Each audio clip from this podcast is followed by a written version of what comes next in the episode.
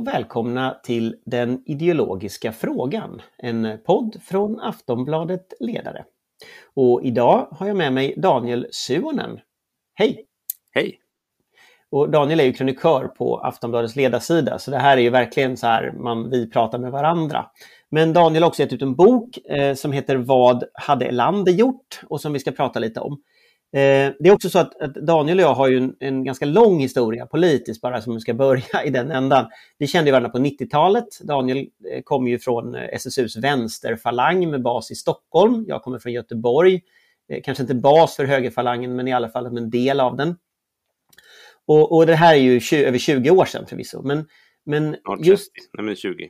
Mm. Ja, snart 30. Nej, ja faktiskt, det är hemskt. Men, Eh, eh, och, det är ändå ganska intressant det här tycker jag, för att även om det är över 20 år sedan, så jag kan fortfarande peka ut vem är för Mikael Damberg, vem är för Anders Ygeman, Damberg är då höger, Ygeman är vänster. Ehm, jag kan i stort sett peka ut vilka i regeringen som tillhör vilka falanger i sömnen, liksom så va. Ehm, och det kan Daniel också göra. Men jag tänkte, som en inledning, varför är historien så viktig i socialdemokratin? För det är inte bara jag som ser det på det sättet. Jag tror att det handlar om att politik är konflikt, inte minst i arbetarrörelsen. Och vi formas av vilka konflikter vi tar. Och nu, det som formade det vi pratar om nu, 90-talets SSU var ju på ett sätt ideologiska konflikter mellan olika idéuppfattningar, idé, så att säga, idésystem. Men det formades ju kring personkonflikter. Så att det var ju delvis väldigt skadligt. Det var ju väldigt, eh, väldigt eh, destruktiva metoder som användes bitvis. Det behöver vi inte prata om idag, men, men jag tror att vi är våra konflikter och att konflikter är bra i politiken. Jag tror konflikter är, man, man, eh, det är när man bråkar, jag kan, tycker man kan översätta med hemmaförhållanden, det är när man bråkar med sin sambo och man har ett riktigt bra bråk. Då kommer man framåt. Då, då, då, man, det byggs alltid in konflikter i partier, i samhällen, i eh, relationer, vänskaper, kärleksrelationer, eh, oavsett vilken fas man är i. Och problemet, det vet ju egentligen alla, det är jobbigt att bråka, man drar sig för det, men egentligen är det då man kommer framåt. Bråket är på något sätt en möjlighet att lösa ut en, eh, en intressemotsättning. Och den fanns i SSU, den finns i arbetarrörelsen. Och jag tror det farligaste är om man inte vågar bråka om man liksom låter det ruttna. Det är tyst, det är kvavt, det är instängt. Och det som är riktiga intressemotsättningar, olika idéer, de får inte uttalas, de får inte, de får inte mm, komma fram i ljuset och de får heller inte mäta sig med varandra. Det, kan, det finns ju dåliga och bra idéer. Och, och, och där är jag väldigt för ett dialektiskt förhållningssätt det går fram och tillbaka, en pendel slår. Jag tror att du för någon slags intern historiematerialism? Ja, en intern historiematerialism. Men jag tänker så här att den socialdemokrati, den, det samhälle som har format dig och mig, Anders, det är ett samhälle jag gick med, jag blev politiskt medveten i början på 90-talet, så gick jag med i SSU 94 när SSU hade ett otroligt medlemsvärvnings... Anders Ygeman värvade faktiskt mig. Han, han vann en skoldebatt så det stänkte om det. Han vann över vänstern, han vann över högern och sen gick 80 pers med i SSU-klubben. Sen har det inte SSU... Och, och, vi, alltså, och de sitter fortfarande kvar i, i riksdagen och har fyllt liksom, det är de som, det är de senaste gången SSU värvade. Eh, skämt åsido. Men, ja nu kommer jag faktiskt av mig. Eh, men jag kan bygga vidare ja. på det här med konflikter, därför att, därför att när du frågar när du säger så, så du har ju skrivit en bok om, om Tage Erlander som egentligen är en bok om dig. Mm. Och egentligen är en bok om dagens socialdemokrati väldigt mycket, de utmaningar som, som ligger där. Vilka konflikter skulle du säga kännetecknat den tiden Tage Erlander eh, dominerade svensk politik får man ju säga. Och då pratar vi 40-tal, 50-tal, 60-tal, så det är en ganska lång del av, av vår, vår historia. Nej, men jag tror att det var precis som nu så finns, fanns det intressekonflikter mellan arbete och kapital, mellan stad och landsbygd och så vidare. Det som jag tror gjorde att Tage Erlander blev så framgångsrik, det var ju att arbetarrörelsen var så oerhört välorganiserad. Jag tror alltid socialdemokratins partiledning har varit i vissa stycken rätt impopulär, ifrågasatt, fan de gör inte tillräckligt. Alltså det är på något sätt en klangbotten för det stigande förväntningarnas missnöje. En, en, ett folk som tycker att partiet sviker, det ligger i DNA. Därför att om målet är jämlikhet och samhället inte är jämlikt, då kommer man ju aldrig vara nöjd och, aldrig, och man ska inte heller vara nöjd. Det är ju på något sätt Erlanders tes, vi kommer in på den säkert senare. Men det är på något sätt som att det som hände då och som gjorde att socialdemokratin kunde ha så stora framgångar, det var i grunden en, en organisering, en organisering av en klasskänsla. Och den klasskänslan som var, ledde fram till en uppfattning som min mamma kunde säga på 80-90-talet. Hon kunde säga med patos, det här är ett arbetarhem. Sen var hon medlem i Socialdemokraterna. Hon var oerhört förbannad på Socialdemokraterna, inte minst på 90-talet när det blev nedskärningar och så vidare. Hon gillade inte Kjell-Olof Feldt och så vidare. Hon, ja, hon var en, en klassisk radikal gräsrotssosse. Vi känner dem, de flesta är på det sättet, eller var på det sättet. Men det fanns ju, och någon gång tror jag att hon röstade på Vänsterpartiet, VPK. Eh, men det fanns ju inte på kartan att någon i vårt kvarter ens skulle överväga att rösta på Moderaterna. Vi hade en på vår gata som var en arbetarmoderat och han hade stor bil och, och sen gick de i konkurs och alla skrattade åt dem och sa det är typiskt moderater. De köper för stora bilar och för stora hus och sen går de i konkurs. Men det fanns ju inte på, och, han, och de, den familjen drog också till Ny Demokrati 1991. Innan, och sen är de, de är säkert idag, idag, idag är SD då. Idag är de Sverigedemokrater det är samma liksom, tendens, man är arg på staten, man är, man är, lite, man är, lite, man är lite amerikansk nästan i sitt eh, tänkande. Men, men det som var grejen var att även om folk var förbannade, de hade tunga jobb, det var slitigt, det var arbetarklassliv, så var man så pass medveten eller, eller ideologiskt eh, färgad att man helt enkelt inte kunde dra slutsatsen att gå till extremhögern. Så att klasskänslan, klassanalysen, där väldigt många, 90 var med i fackföreningar, 75% av de här LO-medlemmarna, 80% röstade på Socialdemokraterna, ibland Vänsterpartiet. Det var en marinering, ett skydd och en organisering som gjorde att socialdemokratins då politiska projekt hade en väldigt god utgångspunkt idag. Men det är, ju, det är ju väldigt länge sedan. Menar, det är alltså, mycket länge sedan. Den typen av klassmedvetenhet och den typen av, av samhälle så att säga finns ju inte riktigt längre. Eh, som, som det fanns då. Du skriver i boken så skriver du att, att bland, bland unga socialdemokrater, men jag tror det, det är nog inte bara unga socialdemokrater, så är det folk som säger att de, de, de, de ser sin förebild i Olof Palme och de ser sin förebild i Olof Palmes retorik. Men folk ser inte sin förebild i Tage Erlander. Vi hade en partiledare i Socialdemokraterna tidigare, Mona Sahlin, som sa att hon gick med i Olof Palme. Jag har aldrig hört någon säga att de går med i Tage Erlander. Va, vad beror det på i sådana fall? Delvis kan det ju vara en, en, en, tidsfaktor att de som gick med i Tage Erlander liksom är väldigt gamla idag och kanske inte Fast jag har aldrig hört någon använda uttrycket ens. Jag menar, så gamla är de inte trots allt. Det kanske också handlar om att det var en annan, en, man gick liksom inte med i personer. Vi har en, på ett sätt en mer, vi är mer personorienterade idag. Jag tror att hela, hela grejen med Tage Lander var att han var inte så mycket, jag menar, han pratade tv några gånger på 23 år. Han, han reste mest runt i bil som frun körde och, och höll föredrag och, som han skrev för hand i bilen det var en helt annan tid. Jag är helt med, alltså när du säger så här, det, det här var en annan tid, arbetarrörelsen är ju på ett mycket svagare idag, eller det är ett annat samhälle, jag är helt med på det. Jag vill inte att någon lyssnare ska tro att Daniel Sunen tror att vi kan skapa något sorts små brukssamhällen där människor eh, i horder ska liksom ansluta sig till det socialdemokratiska partiet. Det är inte det jag ser framför mig, utan det jag vill fånga upp i Erlander, alltså det här som du frågar om, varför fick man inte med Erlander? Nej, därför att man var en del av en klass. Alltså jag tror att det ligger något i det. Man var med i Socialdemokraterna, inte på grund av att man gillade Erlander eller ogillade honom, utan att man helt enkelt var man var proletär, man var med i sin fackförening, fackföreningen var ansluten till partiet och partiet levererade. Och det var det som byggde den här lojaliteten. Det var inte så att Erik Bengtsson har skrivit en väldigt fin bok om världens jämlikaste land, som jag är lite inspirerad av i den här boken. Och Den kom för något år sedan. Och i den boken berättar han en fin anekdot om, om hur hans mormor och morfar, tror jag det var, hade Per Albin på väggen. Och då sa han, det här var inte en diktatur. det här var ju fria människor. De var vanliga gräsrötter, de kanske var medlemmar men de var framförallt sympatisörer och väljare av socialdemokratin. De gillade Per Albin Hansson, de hade hans porträtt, hans affisch på väggen, inramat. Det är ju en bild man kan tänka sig från Albanien med Enver Hoxha på väggen. Fast, fast jag, jag, tänker när du säger det nu, jag kan ju inte låta bli att påpeka då att vi sitter och pratar i Slack här nu, mm. eller vi, så här, videotjänst just nu.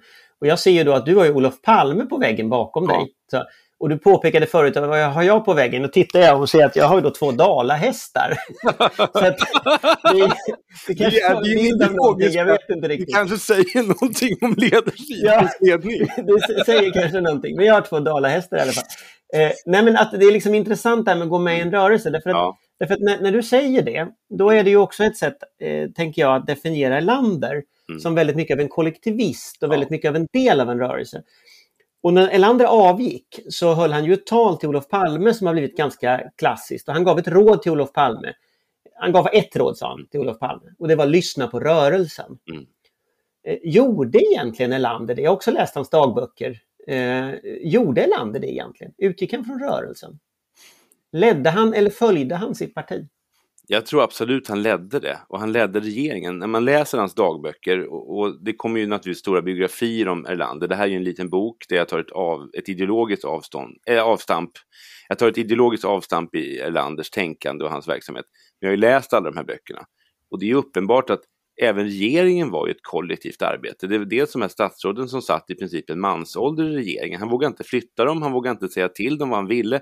Han på något sätt han, han var mer en gruppledare i, i den här och så Sköld och Möller och de här satt där decennium ut och decennium in, Sträng och så, och gjorde det de tyckte var viktigt.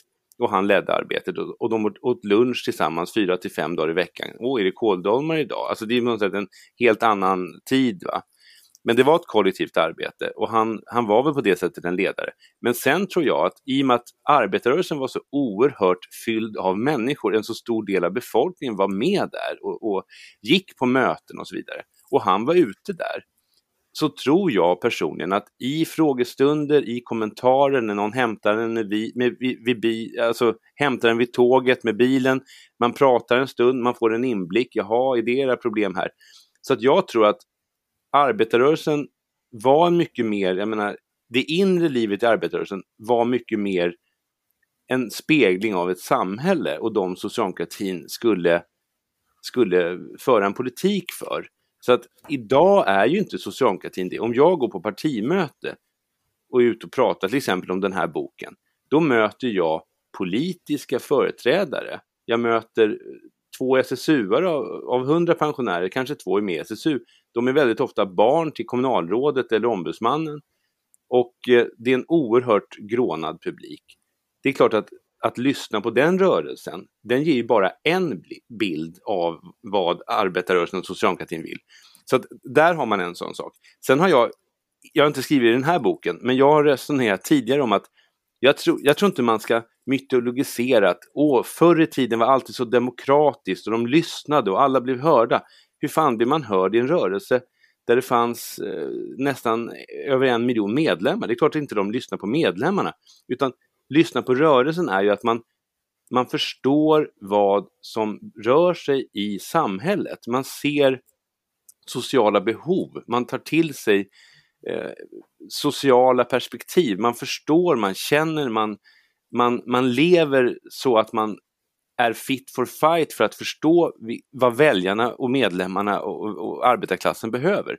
Och där brister ju dagens socialdemokrati tycker jag. Ja, för du, du för ju ett resonemang tycker jag som är ganska intressant kring just hur man organiserar en klass. Mm.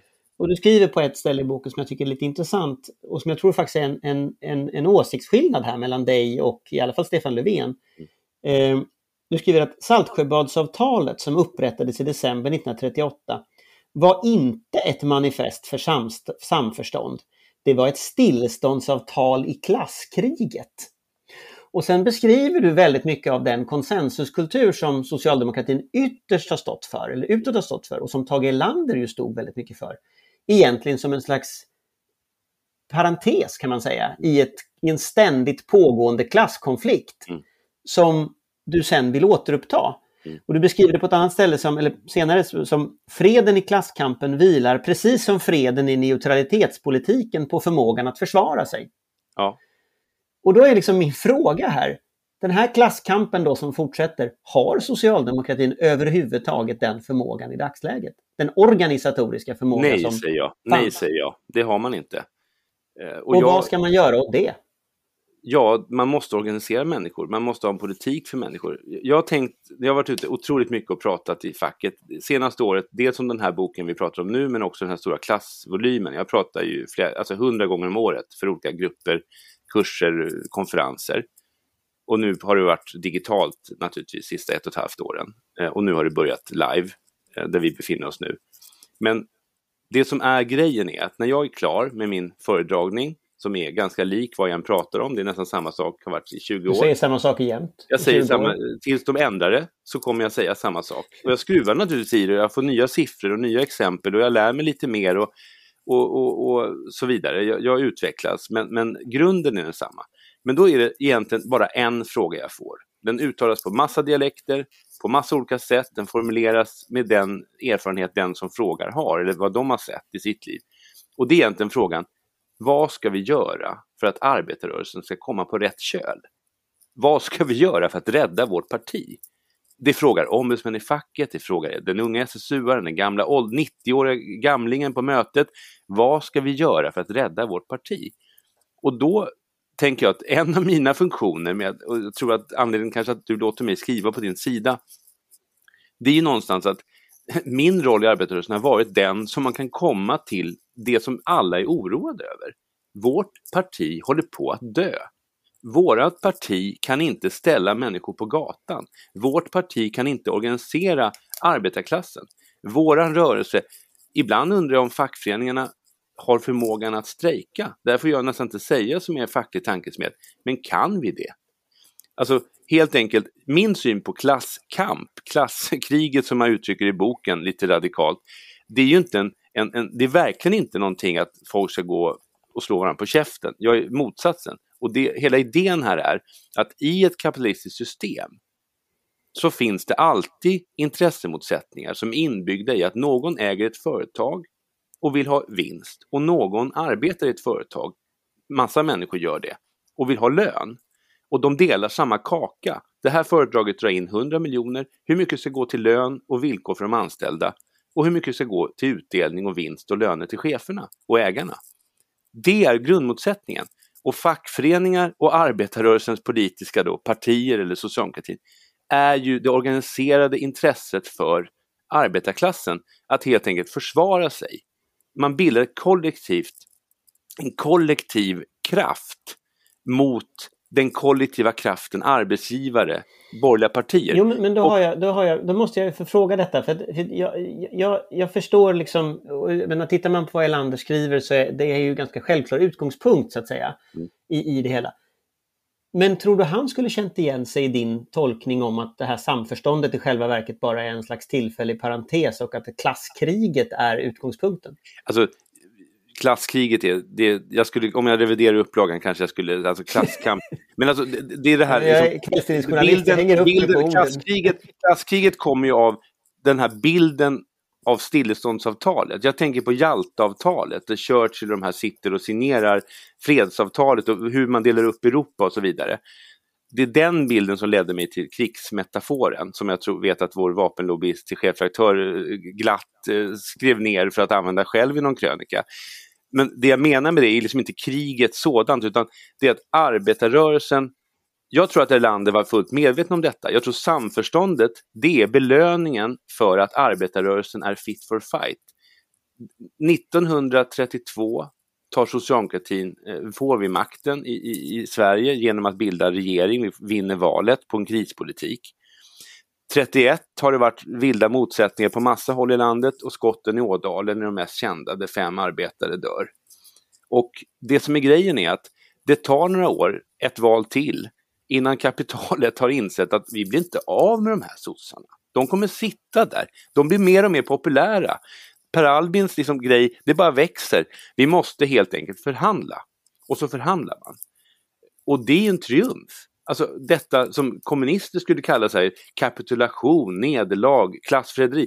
Alltså vänstermänniskor till vänster om socialdemokratin och mig, de, de tänker att socialdemokrati är nederlag. Hela min bok är att socialdemokrati är det smartaste sättet att bedriva klasskamp tillsammans med starka fackföreningar och andra grejer, välfärdsstat.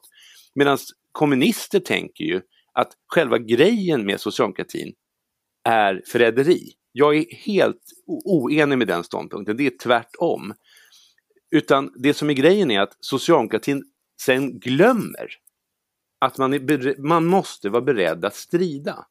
Och för din fråga gäller, var skulle, skulle Erlander, om, om man tänker sig tanken att jag hade blivit en av Erlanders pojkar, jag hade fötts 60 år tidigare och blivit någon sorts Är det det du har gått och funderat på, att den här boken är så här jobbansökan till ett jobb? Absolut, nej men om jag hade varit, nej det är det inte. För det, jag, har, jag, har gjort, jag har inte riktigt sökt jobb på partihögkvarter, liksom, det har inte jag ägnat mina år åt. Ibland har jag jobbat där, Eh, men det har inte berott på att jag... Liksom har... regeringskansliet i och för sig. Då. Nej, men om, om man tänker sig att, att jag hade sagt det här på ett morgonmöte med Erlander. Han hade kallat in katalyschefen och så, så hade vi resonerat om någonting. Och så hade jag sagt det här. Då är frågan, hade Erlander hållit med mig eller sagt nej men vi är för samförstånd? Då tror jag att Erlander hade förstått vad jag menat. Därför att under hans tid i regeringen så var det ju planhushållningsdebatten. Eh, det var ju utbyggnaden av den offentliga sektorn beroende på när det var, i slutet på 50-talet var det striden om ATP och så vidare. Alltså helt enkelt en rad strider där kapitalet osäkrade sin enorma påverkansmakt. Därför att de helt enkelt, när socialdemokratin på olika sätt närmade sig deras äganderätt, deras beskattning, ville bygga ut för mycket, eh, inte minst efter kriget och så, då rustade ju och genomförde kapitalet ett krig mot, då förde man krig. Men, men sen blev det fred igen. Och flera gånger, det ska jag som är radikal socialdemokrat erkänna, nästan varje gång socialdemokratin har utmanat den riktiga kapitalmakten, socialiseringsidéerna på 20-talet och, fram, och kosackvalet och så vidare, där man gick ihop med kommunisterna, en helt idiotisk allians som säkert dåtidens reformister hade föreslagit att man skulle genomföra och drivit igenom i en medlemsomröstning. Ja, alltså vänstersocialdemokrater ja. har ju inte riktigt tagit hem striden om man Nej, de har inte gjort det. Och, och, men, och sen planhushållningsdebatten och, och så vidare. Då har det ju varit oerhörda... Vi har förlorat de striderna. Ja, ja, vi har förlorat striderna. När vi har rört oss socialism i meningen ta ifrån kapitalet någonting. Då har vi förlorat de striderna. Och det har gjort att man har backat tillbaka. Wigfors blir kvar som finansminister, men man går via ekonomisk politik och krispolitik för att komma till makten helt enkelt. Alltså det, slutsatsen är att socialdemokratin och kapitalet är i luven på varandra. Och för socialdemokratin är det ju inte ett självändamål att bråka med kapital, utan för socialdemokratin är det ett självändamål att försvara sin väljarkoalition, sin arbetarklass. Om kapitalet hotar det, då är det konflikt. Fast, fast det är också så att den analysen du gör, det är ju att när man tar den här konflikten så förlorar man den. Och, och tittar man, du kan gå tillbaka till storstrejken också så kan du konstatera 1909 så förlorar man den också. Så, att, så att varje gång man har utlöst den där typen av kan man säga, vänsterreflexer så har man ju förlorat. Och, och, du skissar i boken en annan strategi hos Erlander. Det var därför jag tyckte det var en mm. intressant koppling. Ja, det, det när du beskriver, för när du beskriver Erlanders strategi, då är inte den att ta konflikt, utan den är tvärtom att göra välfärdsreformer. Mm. Och att bygga förtroende bland människor för, genom reformer. Att liksom, jag tror att en amerikansk liksom, kampanjkontext så hade man sagt att man kampanjar genom att regera. Mm. Eh, mycket Clintons liksom, kampanjmetod. Att, att att eh, genom att genomföra reformer så får du förtroende av människor för att du faktiskt kan genomföra dem och då kan du genomföra den nästa reform. Men står du still, då får du inget förtroende, du får inga reformer heller. Men hans teknik var den här, eh, den här liksom ständiga reformerandet mm. som du beskriver i boken. Det är därför jag tyckte det var en intressant skillnad. För han, och det är liksom, hur, hur tänker du om den strategin som han faktiskt använde? Absolut. Den var ju inte så radikal på det sättet. Nej, men den var ju den var långsamt eh, expansiv. Den, den byggde ut den offentliga sektorn. Den byggde ut... Han har ju ett citat i boken som är att han får frågan på 70-talet när han slutar som statsminister. hur det gick med socialiseringen av produktionsmedlen som står i Socialdemokraternas partiprogram och fortfarande på ett sätt gör det. Och då svarar han att ja, det beror lite på hur man ser det. Därför att om man ser socialismen som helt enkelt skattekvotens utveckling så var den 20% när vi började regeringen och nu är den 50% och kan den skruvas upp till 60, 70, 80 av, av, av kakan då börjar vi närma oss en offentlig sektor som blir socialistisk. Ungefär så säger han. Men det, och det är ett väldigt intressant perspektiv. Det han gör är att han... Alltså, socialdemokratin väljer på 20-talet, när Erlander på något sätt är en, en ung socialdemokrat, att inte förstatliga de befintliga industrierna. Utan det man gör egentligen är att man, man väljer att bygga en egen sektor. Man bygger någonting som kapitalet inte då hade varit inne i. En stor jäkla välfärdsstat. Skola, vård, vård omsorg, äldreomsorg. Bostadspolitik. Det känns som att det inte håller riktigt som modell just nu. Nej, idag är detta privatiserat. Så att det som är grejen är att om man tar den här liksom konfliktmetaforen så är det så att arbetarrörelsen går ju till konflikt precis på det här sättet som manar till nederlag genom löntagarfondsförslaget på 70-talet. Och det tänder ju motreaktionen från kapitalet. Vi är inne fortfarande i den motreaktionen. Jag är ju chef på en tankesmedja som heter Katalys, men vi har en motståndare som har funnits i 40 år som heter Timbro. Och de är ju välfinansierade av ett kapital. Det är bara ett uttryck för detta, men att driva en opinionsbildning och det här ideologiska klasskriget liksom från höger. Men då, då tände man ju den här, den här motståndsreflexen, försvaret från kapitalet, som är oerhört starkt. Och det som är grejen är att jag tycker det blir så fin pendelrörelse, fin men hemsk, det är att på 70-talet är en stark arbetarrörelse på väg att driva in Eh, det gemensamma ägandet eh, i företagen genom löntagarfondsförslaget. Idag har pendeln slagits så hårt att, att näringslivet är inne i välfärdsstaten. Så på det sättet har den nyliberala revolutionen gått mycket längre än ens Rudolf Meidners förslag om att ta över delar av vinsterna och köpa aktier i företag och på så sätt ta över en del av makten. Pendeln har slagit upp till vinster i välfärden, vinster i skolan. Och, och jag ser verkligen... Så vinstuttag i välfärden är högerns löntagarfonder? Ja, det är ju att de är inne i det som var det socialistiska alternativet. Det socialistiska alternativet arbetarrörelsen var på väg att socialisera det fria företagandet, som, som Timbro skulle sagt, eller Svenskt Näringsliv skulle säga. Men idag är ju kapitalet på väg att privatisera välfärden helt enkelt. Och det finns ett väldigt roligt citat och, och, som jag läste i Gunnar Wetterbergs bok. Jag tror inte jag har mer i boken faktiskt, det ströks i någon strykning för det var, den här essän är alldeles för lång egentligen för formatet.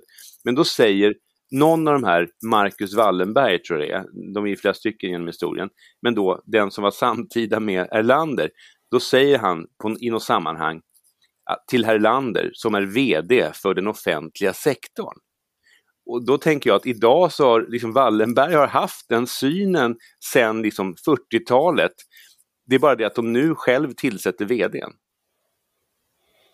Men, men du, har ju, du har ju dragit organisatoriska slutsatser också själv av den här synen du har om att, att man börjar på något sätt i rörelsen och bygger rörelse och sen så använder man den för att ta den här konflikten.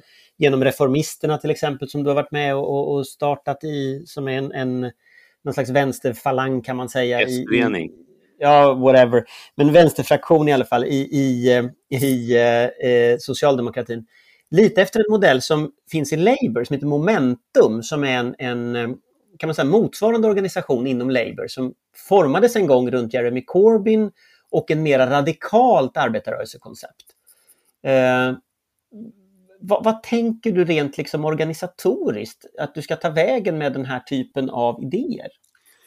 Vad vill du forma socialdemokratin till? till en kämpande folkrörelse som människor vill vara med i. Alltså socialdemokratin håller på att dö. Det är det stora problemet. Förra året, alltså 2020, då tappade Socialdemokraterna, gick från 90 till 75 000 medlemmar enligt den officiella statistiken. Och tappar man 15 000 om året så är man borta på fem år. Eller fyra och ett halvt, fem år. Det är alltså helt enkelt ett parti som är väldigt illa ute. Och det som, jag vill ändå göra en liten omväg där, därför att jag var ju rådgivare till Håkan Juholt och hans talskrivare. Ja, jag hörde du skrev något tio tal månader, tio månader. Jag skrev även ett Almedalstal som jag tycker nästan var bättre. Men framförallt så var jag liksom med honom på detta. Och min analys efter Juholt var ju att det gick åt helvete, naturligtvis. Det, är ju, det skriver, har jag skrivit en tjock jäkla bok om som man kan läsa om man vill. Men och jag är helt ärlig med det. Jag tror att den boken har fått läsare ju för att det inte är någon försvarstal av varken mig eller Håkan Juholt, utan det är ett försök att kartlägga vad fan som gick fel, vad är felet med socialdemokratin? Och egentligen är det socialdemokratin den handlar om, inte Håkan Juholt. Eh, och, och då blir grejen att, vad var min slutsats av det där? Ja, herregud, här hade jag tänkt i 30 år att om man bara får tillsätta en något vänsterlutande partiledare, då kommer det här lösa sig. Och så gjorde det inte det. Därför att till slut satt ju jag där som hans enda interna medarbetare. Alla andra var, om man får säga så, motarbetare. De hade gett upp om honom. Om man ska vara snäll, de gav upp. Så att det här går inte, han kommer snart Och avgå. om man inte ska vara snäll så motarbetar de honom. Ja, men alltså det, det var ju... Jag menar inte att alla som gjorde det åtta månader in i detta var någon sorts eh, intriganter, utan jag menar bara att till, vissa ville inte ha honom där och vissa ville ta bort honom och vissa till slut gav upp. Och till slut så hade alla gett upp och till slut hade även jag gett upp. Men han var kvar och jag jobbade för honom och det var sen en belastning för mig. Men min slutsats var ju att om inte ens det räcker, då, det som saknades runt Juholt var ju ett, ett folkligt stöd, en rörelse, en, en, en kraft. Och man kan ju säga att egentligen kan man säga att det är momentumrörelsen på något sätt som lärdes av Juholt-historien. Därför att de fick ju då, märkligt nog, en radikal socialdemokrat, Jeremy Corbyn, som är ju jävligt radikal. Alltså han är ju snarare en vänsterpartist, får man väl ändå säga. Jag har skrivit i din tidning texter där jag försvarar Corbyn därför att jag gillade väldigt starka inslag i hans politik. Men det är helt uppenbart att i Sverige hade ju Jeremy Corbyn varit vänsterpartist. Eh, aktiv ja, möjligen vänsterpartist, Möj, kanske möjligen, lite ännu längre vänsterpartist. Och det, det tycker jag ju personligen är en nackdel. Det var inte, det var inte till hand, det var för radikalt. Men momentumrörelsen skapades ju då för att skydda hans partiledarskap mot ett, ja, ett partietablissemang som inte ville ha honom där. Och det säger de ju själva eh, när de pratar om detta, att de bildades i princip för att skydda Corbyns partiledarskap. Och byggde då en, en massrörelse bredvid eh, Labour helt enkelt. Sen insåg de att ska de ha något inflytande måste de vara i Labour. Det hjälper inte att ha tiotusentals människor eller hundratusentals människor som vill ha kvar Corbyn om de inte får rösta i valen. Så att någonstans så det här är ju erfarenheter som är organiska, så att när, när, vi då, jag och några till, funderade på vad ska vi göra för socialdemokratin, för att rädda den. Det här var inför valet 18. Då var ju idén att men vi måste ju börja med den ekonomiska politiken. Det är den som är felet, det är grundproblemet i sossarna, är inte om det är han eller hon som styr, om de är, inte ens om det är högersossar som styr, det är inte det som är problemet. Och det, det här är en erfarenhet som jag på ett lite Erlanders sätt har fått genom att vara ute på tusentals möten och seminarier. Jag möter ju bara människor i arbetarrörelsen och runt arbetarrörelsen som vill ha en progressiv politik. Varför kommer inte den? Vi hade Juholt, varför gick det åt helvete? Jag har många förklaringar, men en var ju att han inte hade en kraft runt sig, en stab, en rörelse. Och han fick heller inte så, pröva så, så, så, så, Reformisterna är en rörelse för att skydda vems partiledarskap då? Nej men det finns ju det är ju det som är grejen och som gör det kanske sundare därför att det finns ju inget partiledarskap utan det blir ju då ett sätt att vitalisera. Jag menar Momentum var till för att skydda Corbyn. Jag jobbade med att skydda Juholt eh, men var ganska ensam. Eh, så Reformisterna är ju ett sätt att göra det som väldigt många socialdemokrater vill ha möjligt, nämligen en annan ekonomisk politik, en annan välfärdspolitik. Och att man inte är ensam. Man kan inte ha ett parti där hundratusen människor, som det var nyss, sitter ensamma på sin kammare och tänker varför jag är den enda radikala socialdemokraten? Och så går socialdemokratin åt ett annat håll och dessutom går det åt helvete.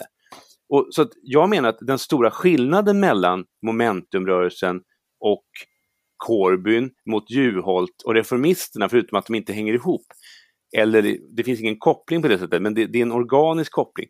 Skillnaden är ju att vi är socialdemokrater medan momentumrörelsen var ju trotskister och kommunister och vänsterelement i ett tvåpartisystem som gick in för att skydda en vänsterkandidat som kanske inte var den ultimata eh, partiledaren. Och reformisterna är sossar som vill sossesaker. Så att det är en jävla skillnad. Jag hade aldrig ingen, jag skulle säga så här, jag har sagt det till partisekreteraren, hon som nu avgår, Lena Rådström Båstad, om det uppstår någon jäkla trotskism eller någon infiltration, då ska du säga det till mig, för jag kommer själv bära ut de här jävla människorna. Vi behöver inte någon jävla idé om Lenins partibygge eller någonting. Vi är sossar, men vi vill att socialdemokratin ska föra en annan fördelningspolitik. Och föreningen Reformisterna gör att människor kan samarbeta för att opinionsbilda kring det. Men det jag tycker det är en helt demokratisk grej. Liksom. Ja, det är intressant. Men det intressanta blir ju här att, för du beskriver ju den här organisatoriska synen på ett sätt som en fortsättning av Elanders folkrörelsebygge. Mm.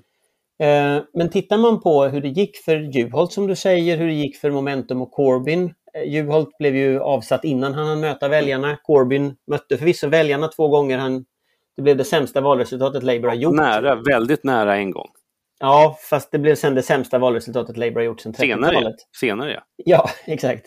Ja, och, och det, det, var ett brexitval. Det var ett brexitval. Alltså... Nej, men att det, frågeställningen är ju, och går man tillbaka till de andra striderna som du pratade om förut, liksom, så förlorar man ju. Så att, frågan är så här, jag skulle ställa kanske en hård fråga, men ja. hur fasen får du den där organisatoriska idén att vinna istället för att förlora? Det är en jättebra fråga jag tänker så här att för det första så vill jag betona en sak. Jag är nog för mycket mer gråsosse än de flesta förstår. Det säger jävligt mycket om socialdemokratin att en sån här gråsosse som vill ha lite större välfärdsstat, lite högre skatter för de allra rikaste och ta bort friskolekapitalet, liksom riskkapitalet i skolan, är på något sätt den rödaste sossen som någon kan hitta. Eh, det är jag inte. Men det är också väldigt märkligt att socialdemokratins idédebatt är så död. Den är så låg, den är så lite, det finns inget liv, ingen karisma, inget patos, inget humör, inget temperament, inga idéer. Så jag är liksom enmansorkestern som spelar, pratar, skriver, jag tröstar, jag liksom håller liv i någonting. Och så säger alla, men han är så ensam, han är så ensam. Och så åker jag runt liksom i landet och möter, precis som Juholt gjorde eh, när han var partiledare och innan han var partiledare fan, jag är inte ensam. Jag kan försörja mig på att åka runt här. Jag, jag får en, starta en tankesmedja åt fem tunga LO-förbund.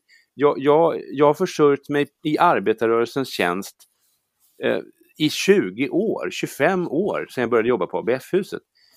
Alltså det är inte så att jag är ensam. Jag är motsatsen till ensam. Jag är mitten. Jag är socialdemokratin. Eh, och jag är inte så jävla radikal. I min bok till exempel om det hade varit en vänsterist, en radikalistisk vänsterist som hade skrivit den här boken, då hade den handlat om Marx och förstatligande av produktionsmedlen och vi ska liksom kasta ut packet, eh, ägarna. Min bok handlar ju om reformismen, det här stegvisa. Jag skriver inte ut ett, hur ett perfekt samhälle ser ut. Jag, jag tror inte på den idén. Jag tror ju på att man, man har en klass, alltså jag tror att politiken ska börja, socialdemokratins politik ska börja i en idé om gemensamma lösningar på gemensamma eh, problem. Det här kan samhället göra bättre som Hjalmar Mehr sa. Det är idén. Man har en klasskänsla. Vilka jobbar vi för? Jo, vanliga människor. Det är det som är klasskampen då. Vi står upp för dem som inte själva kan köpa sin egen ö när klimatet pajar eller köpa syrgastuber till sig och sina sju eh, barn. Utan helt enkelt människor som behöver varandra. Det är en kollektiv kraft, det kräver en rörelse. Börjar man i den den positionen och har ett demokratiskt sinnelag som jag har, jag är djupdemokratisk, eh, och tror på stegvisa reformer, då landar man ju liksom inte i Corbyn och Momentum, utan då landar man i Erlander och Möller och Alva Myrdal och Olof Palme. Och då landar man ju dessbättre då till och med i det som jag anar nu lite grann i det som händer i socialdemokratin. Man vill stoppa vinsterna, jag menar, jag är så jävla glad idag. Alltså jag uppfattade, för tio år sedan stod jag där och sa, vi ska stoppa vinsterna. Ingen i partiledningen höll med. Det var liksom, de var för vinster. Man vill inte rucka någonting med överskottsmål och så vidare kring den ekonomiska politiken. Eh, och man var inte för, man såg inte klassklyftorna. Idag pratar socialdemokratin klass, man pratar ojämlikhet, man vill kasta ut vinsterna i skolan och man, man vill rucka så försiktigt man kan, men man försöker rucka från överskottsmål till balansmål. Jag vill ha ett underskottsmål. Men jag känner ju att jag har påverkat den debatten. De kommer till mig, jag kommer inte till dem och jag är mitten. Men, men det leder oss in till nästa fråga, även om jag tror att få skulle hålla med om att du är mitten. Så, så har du ju faktiskt här, du, du tar ju i din Erlanderbok fram ett, liksom ett politiskt program skulle man kunna mm. säga. Mm. Där, du, där du definierar liksom vad, vad, är det du ser som ett, jag skulle tolka det som ett regeringsprogram för nästa mm. partiledare egentligen, som du, som du skissar här. Eh, kan du berätta lite om det? Eh, jag kan säga att jag kan säga första meningen i det mm. bara för att ge en bild av det. Socialdemokratin måste återigen ha en egen samhällssyn som vilar på demokratisk socialism. Och det går i sin tur tillbaka på ett annat citat du använde tidigare där, där Elander säger att den som inte har en, en socialistisk idé går vilse. Mm. Och det där är liksom en sån nyckelgrej, att utan kompass går du vilse. Mm. Och här levererar du en ny kompass. Vad är det du har för innehåll i den? Innehållet i det här programmet är ju någonstans att socialdemokratin måste ha en egen idé om samhället. Och det, det är ju tillbaks till Axel Danielsson som formulerade det första partiprogrammet. Att socialdemokratin skiljer sig från alla andra partier och så listar han upp varför. Att man helt enkelt är en egen kraft, en egen rätt, man är, man är motståndet, man är den organiserande kraften för den undre halvan, majoriteten av folket som inte äger produktionsmedlen. Och det räcker, det är socialdemokratins grund och kärna. Så den börjar i den här klassanalysen. Sen måste jag säga att jag gör en ganska uppdaterad klassanalys. Jag tror inte att det handlar om att, och det kanske låter paradoxalt, jag tror inte att det handlar om en politisk framgång för socialdemokratin handlar inte om att skrika ordet arbetarklass i varje mening eller att bara vända sig till blue collar workers eller så i LO som man dessutom då dessvärre tror ofta är manliga industriarbetare enbart. Det är lika mycket människor i callcenters och tjejer i vården och så vidare. Många invandrare, absolut inte blonda. Eh, utan klassgrejen här är ett politiskt klassmedvetande. Vi är folket, vi är majoriteten, vi bygger landet, vi som går upp på morgonen. En del är medelklass och tjänstemän. Det är den här breda koalitionen och, och, och jag, tror att, jag tror jag skriver den där första punkten att grejen med den här klassgrej, klasskoalitionen är ju att genom de välfärdsreformer och den här expansiva offentliga sektorn som jag vill se som är väldigt erlandersk och väldigt socialdemokratisk, så bygger man också ihop en, en välja, potentiell väljarmajoritet. Och de sista då 30 åren med nedskärningar, urholkade skyddsnät och så vidare, det har ju varit nyliberal reformism för att slita isär de här grupperna. Och, och så Reinfeldt för en klasspolitik för att kunna sänka skatten. Mm. Och han får, men vi håller oss till din, tänker jag. Ja, men, men, ja, men, men, men, men där någonstans, liksom att politiken får ihop en, en bred väljarkoalition i den undre halvan av befolkningen. 50 procent räcker ju för majoritet, men man måste få ihop dem. För, för, för du säger här, det är att ditt verktyg för att uppnå detta, det är att välfärden, jag tror du uttrycker det som, det är en ö av icke-marknad. Ja. Jag tror det är det uttrycket ja, du använder. Att välfärden blir en ö av icke-marknad i, eh, i grunden en kapitalistisk värld. En slags undantag från de spelregler som gäller i den övriga världen. Ja, alltså när jag går på en restaurang eller när jag köper ett par jeans eller när jag beställer en resa som jag hoppas att jag kan göra snart och åka någonstans med min sambo. Då har jag inget problem med att det är en reglerad eh, leg legalt okej okay, marknadsekonomi där, där företag följer lagar och regler och har kollektivavtal och så vidare. Alltså helt enkelt en fungerande marknadsekonomi. Men i sjukvård, omsorg, eh, skola, pensionssystem, bostäder, forskning, litteraturstöd, kulturstöd och så vidare så har vi en annan logik, nämligen behov, eh, rättigheter, medborgarskapet. Och den där grejen är ju helt enkelt en väldigt smart lösning på problemet att marknaden kan inte leverera jämlikhet. Marknaden kan inte leverera storskalig innovation eh, på ett sätt som, som är bra för de flesta människor. Utan marknaden levererar vissa saker utmärkt och andra saker väldigt dåligt. Och socialdemokratin löser det här genom att man helt enkelt bygger upp en välfärdsstat. Och det som är kopplingen till, till framtiden på något sätt och det som gör Erlanders, den här Erlanderkoden som var en tänkbar titel på den här, det är att Erlander uppfinner då med, med ATP-striden bland annat ett nytt sätt att göra politik. Man kan säga så här. Arbetarrörelsen, eller Erlander då, identifierar ett socialt behov. Arbetarna då på 50-talet hade inte samma pensioner som, som tjänstemännen hade fått rätt till genom sina avtal. Det är ganska likt hur vi har idag med, med, med de här höga tilläggspensionerna som finns idag. Men det identifierade facket förmodligen och de sa det på mötena, varför får inte vi bra pensioner? Och Erlander utformar då, efter ett antal års eh, diskussion i olika utredningar och så vidare, ett socialistiskt förslag på en lösning på pensionsfrågan, det som blev ATP-förslaget. Helt enkelt statliga fonder, vi höjer skatten och löser ut arbetarklassens trygghetsbehov. Och det var ett så socialistiskt förslag att alla borgerliga partier sa nej. Men kommunisterna anslöt sig och LO anslöt sig. Och då var det helt enkelt bara, här har sossarna ett förslag som effektivt, på riktigt, löser majoritetens försörjningstrygghetsbehov på ålderdomen. Och så går man till val och sen går man till folkomröstning. Och då är borgarna offside. De säger nej, nej, nej, nej, nej, för de är rädda för socialismen. Men socialismen, enligt Erlander, är då vi löser ditt problem. Du är rädd för att du blir fattig när du blir gammal, att du inte kan ha kvar din bostad.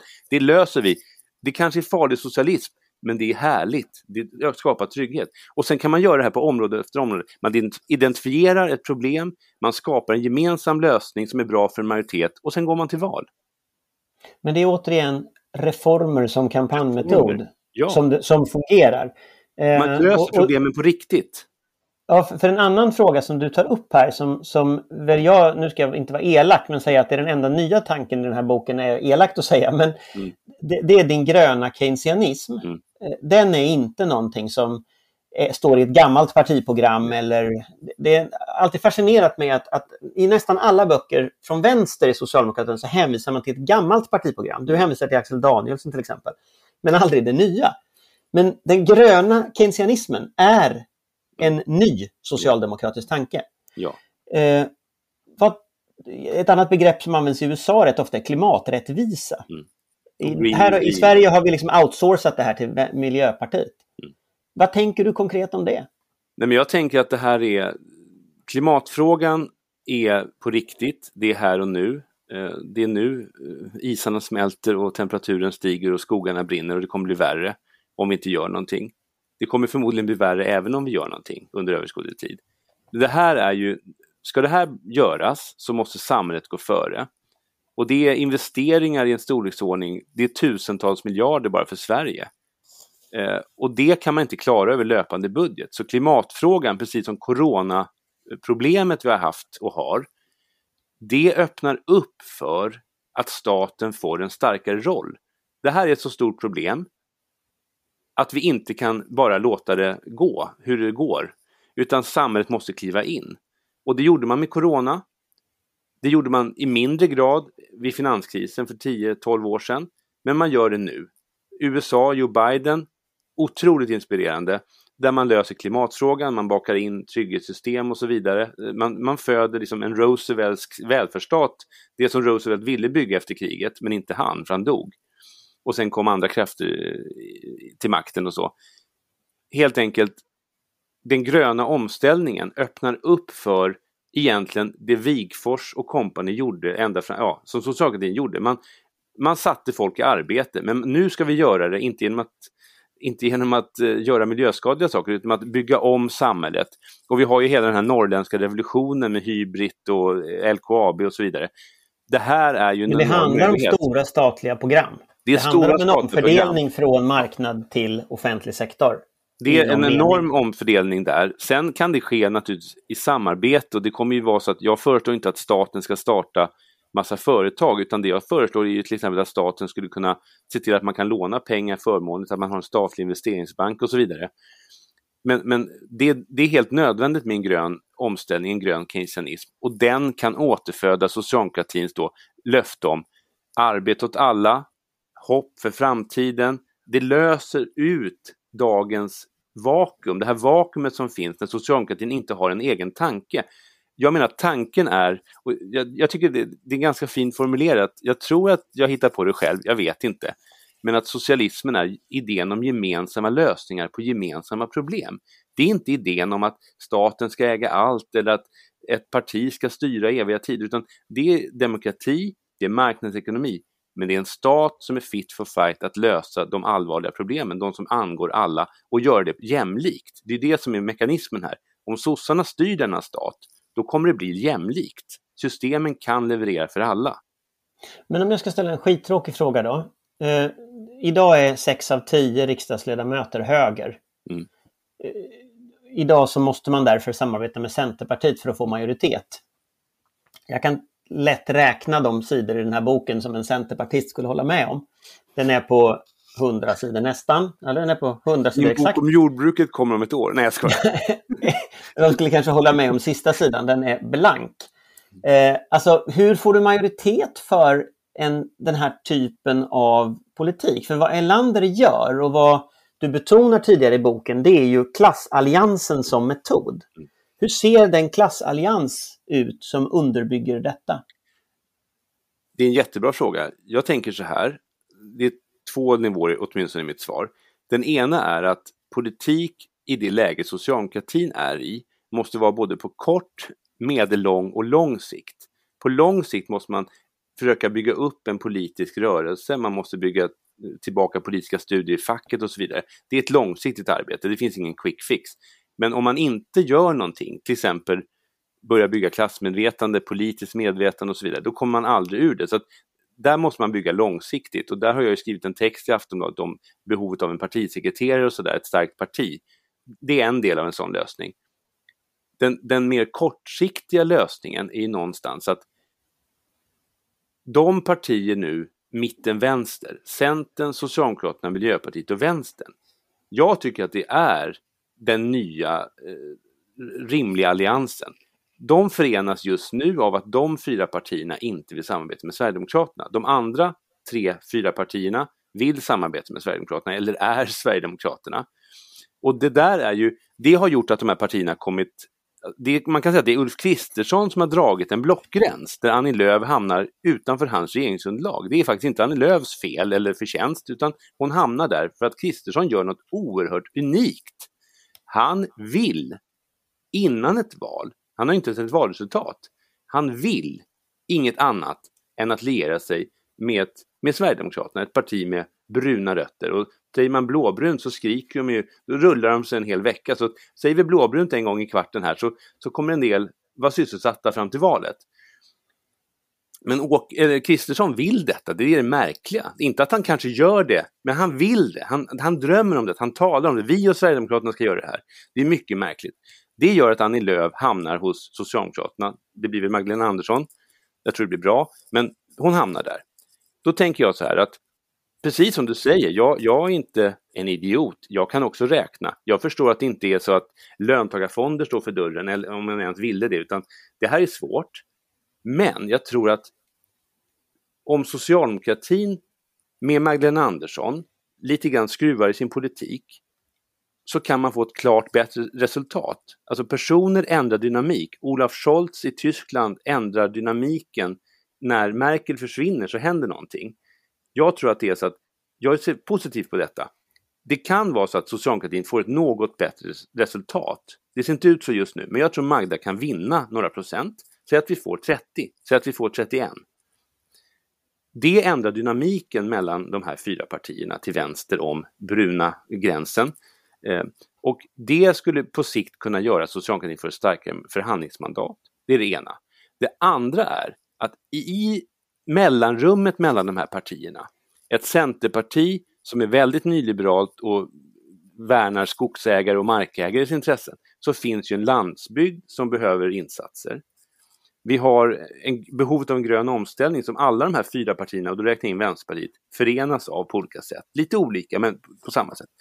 Så man kan säga att det är ett resonemangsäktenskap som, som Kristersson har, har, har, har konstruerat åt vänstersidan. Men, men på kort sikt så kommer du fortfarande att tvingas kompromissa med ja, Annie Lööf? man måste kompromissa. Alltså, jag vill ändå sluta resonemanget. Jag tror att det, det är ett resonemangsäktenskap. Men det kan, precis som för sossarna och bönderna på 30, 40, 50-talet, så kan det där resonemangsäktenskapet leda till att man faktiskt börjar tycka om varandra. Det är inte någonting jag förestår för, eh, i, i människors normala liv, men i politiken kan det vara så att man faktiskt upptäcker och formulerar ett politiskt projekt. Det här rödgröna vänstermitten, där Vänsterpartiet kommer stödja en sån regering, det finns ett, ett helt tänkbart politiskt projekt som handlar om regional jämlikhet, klassmässig utjämning, någorlunda fördelning, ta bort det värsta av vinsterna i skolan och, och rädda klimatet och bygga ut industrin och, och tillväxten och full sysselsättning.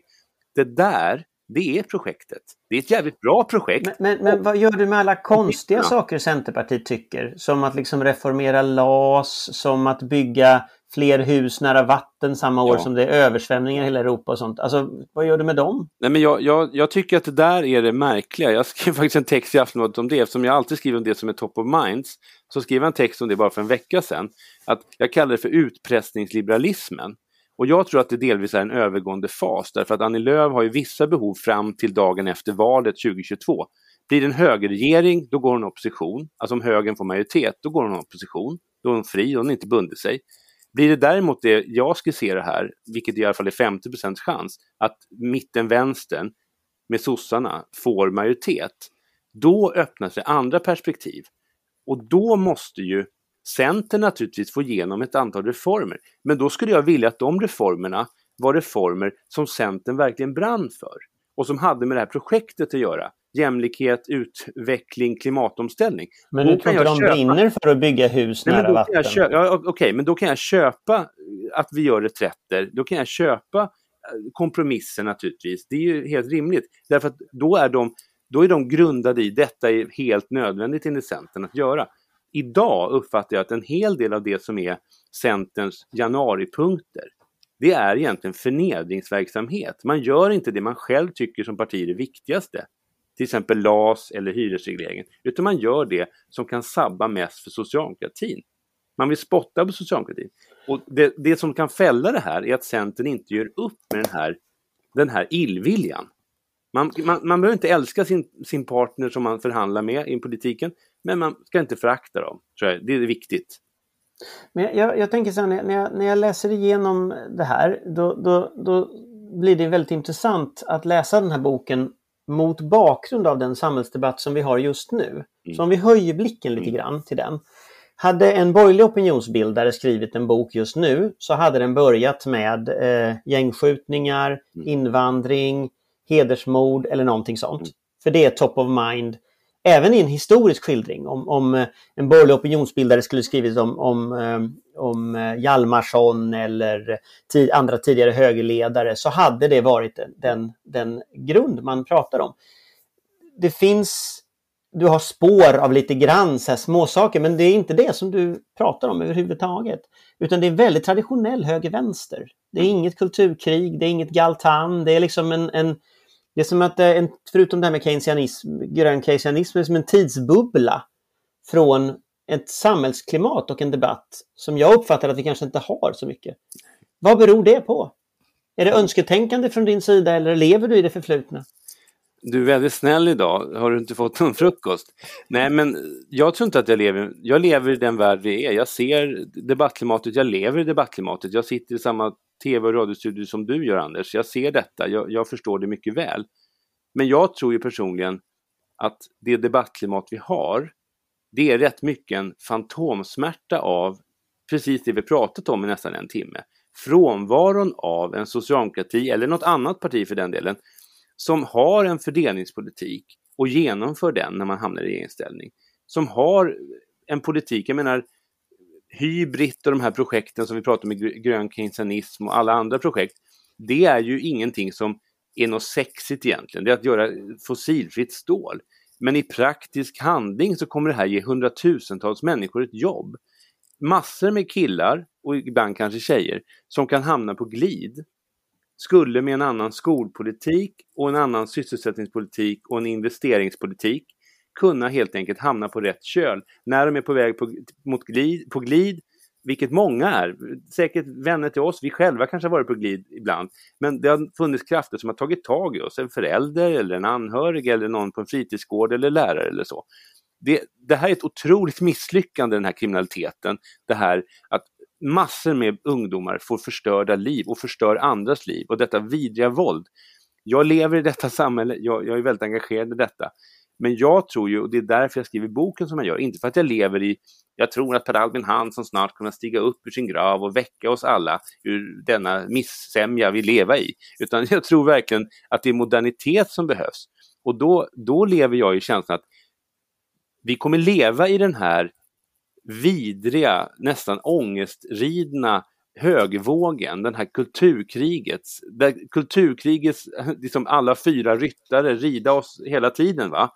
De har, det finns ju snart fler högermediaprojekt än socialdemokratiska tidningar i det här landet. Alltså nystartade extremhögerbulletiner än socialdemokratiska tidningar. Det är perverst. Det är inte så att det bara finns fler tidningar utan nystartade sådana. Arbetarrörelsen har lagt ner sina tidningar, högern startar nya. De tror på det här, de har en ideologi. Och, och då menar jag att jag tror att lösningen, det är därför också reformisterna har en punkt i sitt program i princip, en ny ekonomisk politik. Ta bort, lossa skruvarna i, det här, i den här järnmasken. Då kommer socialdemokratin att bli vital. Jag sa det på förra partikongressen där jag var ombud, jag är ombud nu också, att hela socialdemokratin frustar jag av att bygga ut saker, renovera saker, bygga bostäder, bygga universitet, renovera, för, förnya, bygga klimatomställning. Varenda socialdemokrat har ju en grundläggande vilja att förbättra samhället. Varför händer det inte? Varför är reformismen så tandlös? Jo, därför att vi har ett ekonomiskt regelverk som gör socialdemokrati omöjlig. Och därför i min tankesmedja, i mina texter hos dig, i den här boken, så är det här det är, det är faktiskt, man ska lossa en liten jävla skruv så blir det andra möjligt. Då spelar det ingen roll om det är Magda eller Marcus Kallifatides eller vem det blir, eller om du blir partiledare, det spelar ingen roll. Det spelar ingen roll om jag eh, aldrig liksom eh, får något, liksom, eh, så att säga, någon roll eller så. Det spelar ingen roll, utan det som det handlar om är att om man löser låsningen kring den ekonomiska politiken, då blir socialdemokratin möjlig igen. Det är otroligt hoppfullt, det är otroligt enkelt. Och det är en väldigt erlandisk erlandersk idé, det är Per Albin, det är det Wigfors gör och det är det vi har slutat göra. Jag är den mest optimistiska socialdemokraten därför att jag vet, jag har en idé om att om vi gör annorlunda så kommer det bli annorlunda. Om vi ändrar några få saker så kan det bli hur bra som helst. Magdalena Andersson är en jävligt skicklig debattör. Oerhört mycket skickligare än sin företrädare. Hon kan ekonomi. Om någon kan ändra, göra det Wigfors gjorde 32, om någon idag skulle kunna göra det som jag har velat i 10-15 år, då är det hon, eller den hon då utser som sin efterträdare. Ingen har mer förtroende än hon att justera i ramverk, låna tusen miljarder till till klimatinvesteringar. Alltså, jag är oerhört optimistisk därför att det är en väldigt liten en väldigt liten sten som ligger och stoppar det stora kugghjulet att bara gå igång med ett samhällsbygge. Men jag tänker så här. Du skrev ju Håkan Juholts tal Ja, delar Om du skulle få, delar av det. Om du skulle mm. få skriva Magdalena Anderssons tal. Hon kommer ju förmodligen att komma till sin regeringsförklaring någonstans i början av november. Och du skulle få här, flytta fram den här boken och de mm. idéerna, mm. ditt program till 2021 och inför valrörelsen 2022. Vad är det viktigaste Magdalena Andersson behöver säga när hon blir vald i november? Alltså jag tror att man skulle säga så här. Och det här föreslog jag till Håkan Juholt, men han vågade inte säga det. Han strök det i sitt installationstal. Och jag tror att det, det, för tiden var inte mogen då, utan tiden kanske är mogen nu. Eh, jag tror att man ska säga så här. Man ska, ska öppna, hon kommer stå några minuter medan alltså ovationerna, jag kommer sitta där i salen, det kanske du också gör. Ovationerna kommer rulla och så till slut så blir det tyst. Och då ska hon säga så här. Ni som är besvikna på socialdemokratin, ni som har lämnat socialdemokratin, jag förstår er. Ni som känner er svikna av 30 års nyliberalism, dåliga skolor, låga pensioner. Ni har all rätt. Ni har rätt att känna er svikna, förnedrade och besvikna på det socialdemokratiska arbetarpartiet. Och mitt ordförandeskap och den regering jag kommer starta och bygga om två veckor kommer lägga all kraft att på så kort tid som möjligt rätta till de bristerna och bygga detta förtroende igen. Då får vi hoppas att hon eh, säger det. Tack så mycket för att du var med. Tack.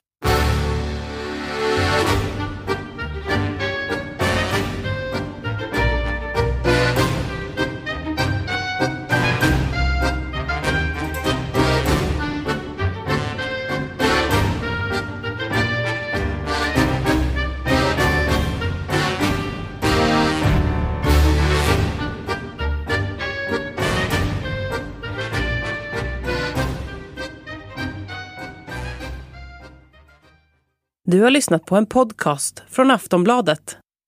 Ansvarig utgivare är Lena K Samuelsson.